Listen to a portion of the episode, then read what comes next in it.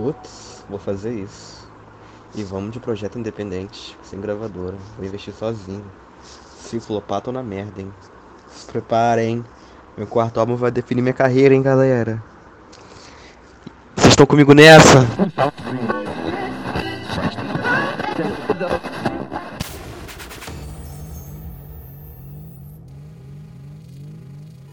Esta é a Rádio Drama Queen.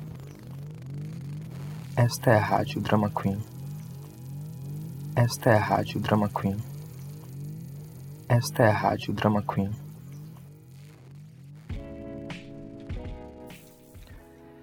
Então, gente, é o seguinte, tá rolando um negócio aí no, no na gravadora do São Eles que tá afetando diretamente o cantor Doug. Eu tive acesso alguns áudios que evidenciam que o clima na gravadora tá um pouco diferente. Aparentemente, todos os artistas renovaram o contrato, mas o investimento está sendo mínimo. Ouça os áudios. Que agora aqui daqui pra frente a gente renovou o nosso contrato com a gravadora São Eles agora saindo e assinando de novo entrando no grupo. Vamos agora começar a corrida para o Grammy, não é mesmo? Gente, eu ainda não tô renovado. Alguém me remove e coloca de novo e depois me dá DM. O amor não vai dar, porque já teve reunião com a gravadora aqui, todo mundo vai ser colocado nas playlists do Spotify, todo esse top hit e você vai ser boicotado na nossa próxima era, tá? Infelizmente não vai ter investimento. Caralho, tô tentando me sabotar a qualquer custo, cara. Vai tomar no cu. Você acabou de ouvir o áudio da conversa entre Lipa Dupla e Doug.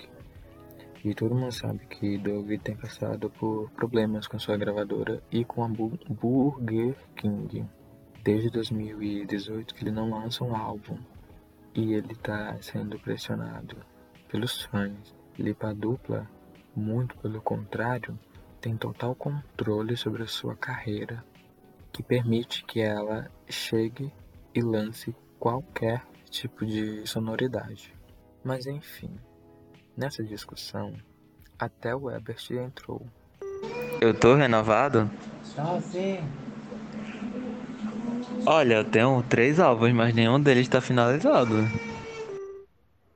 O meu outro contrato dizia country pop. Esse contrato diz liberdade total de gênero, então eu posso lançar o que eu quero. Não é mesmo? Ainda, segundo Lipa Dupla, o salário de. o investimento que o Douglas vai receber será Michuruca, 4 mil dólares. Douglas achou uma solução para o seu problema. Putz, vou fazer isso. E vamos de projeto independente, sem gravadora. Vou investir sozinho. Se flopar, tô na merda, hein? Se preparem. Meu quarto álbum vai definir minha carreira, hein, galera? Vocês estão comigo nessa? Chega de fofoca, vamos tocar música.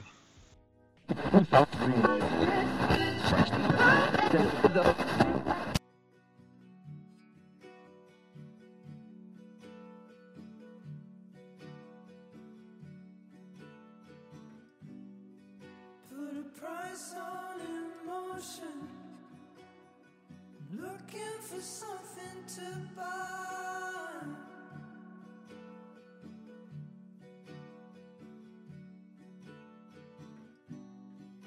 You've got my devotion. But man, I can hate you sometimes.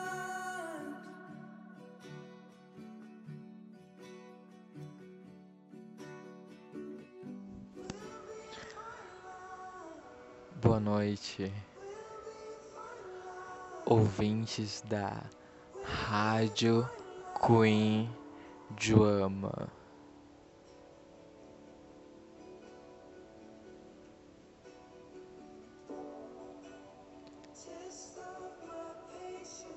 Eu sou o João E no fundo você ouve Fine Line de Harry Styles. Diva pop.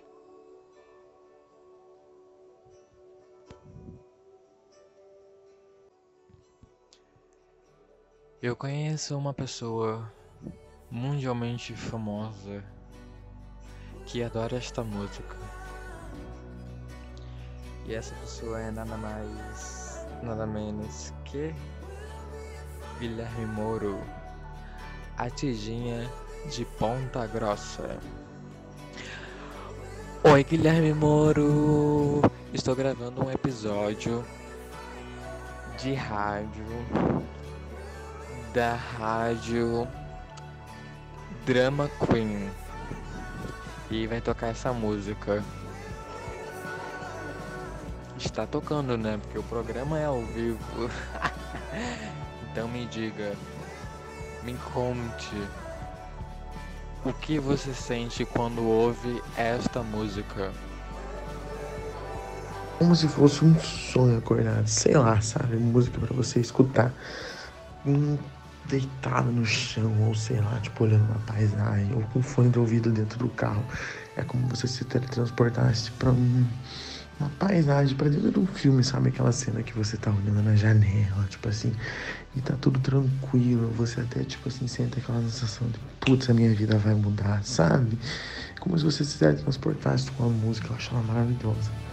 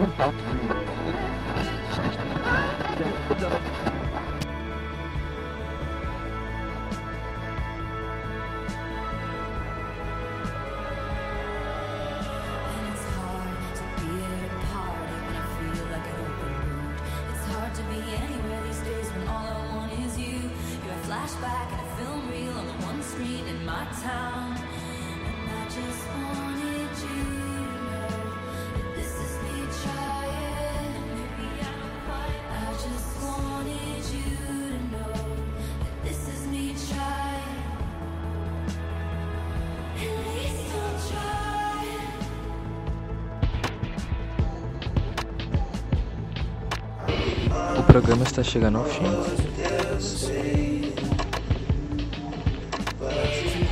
Para encerrar, ouça Close to You, de Frank Ocean.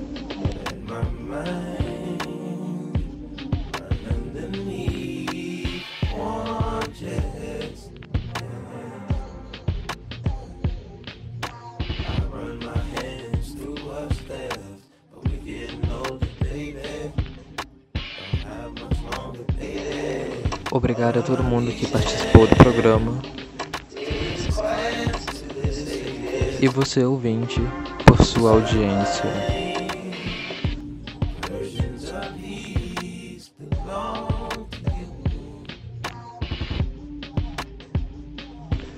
Até a próxima.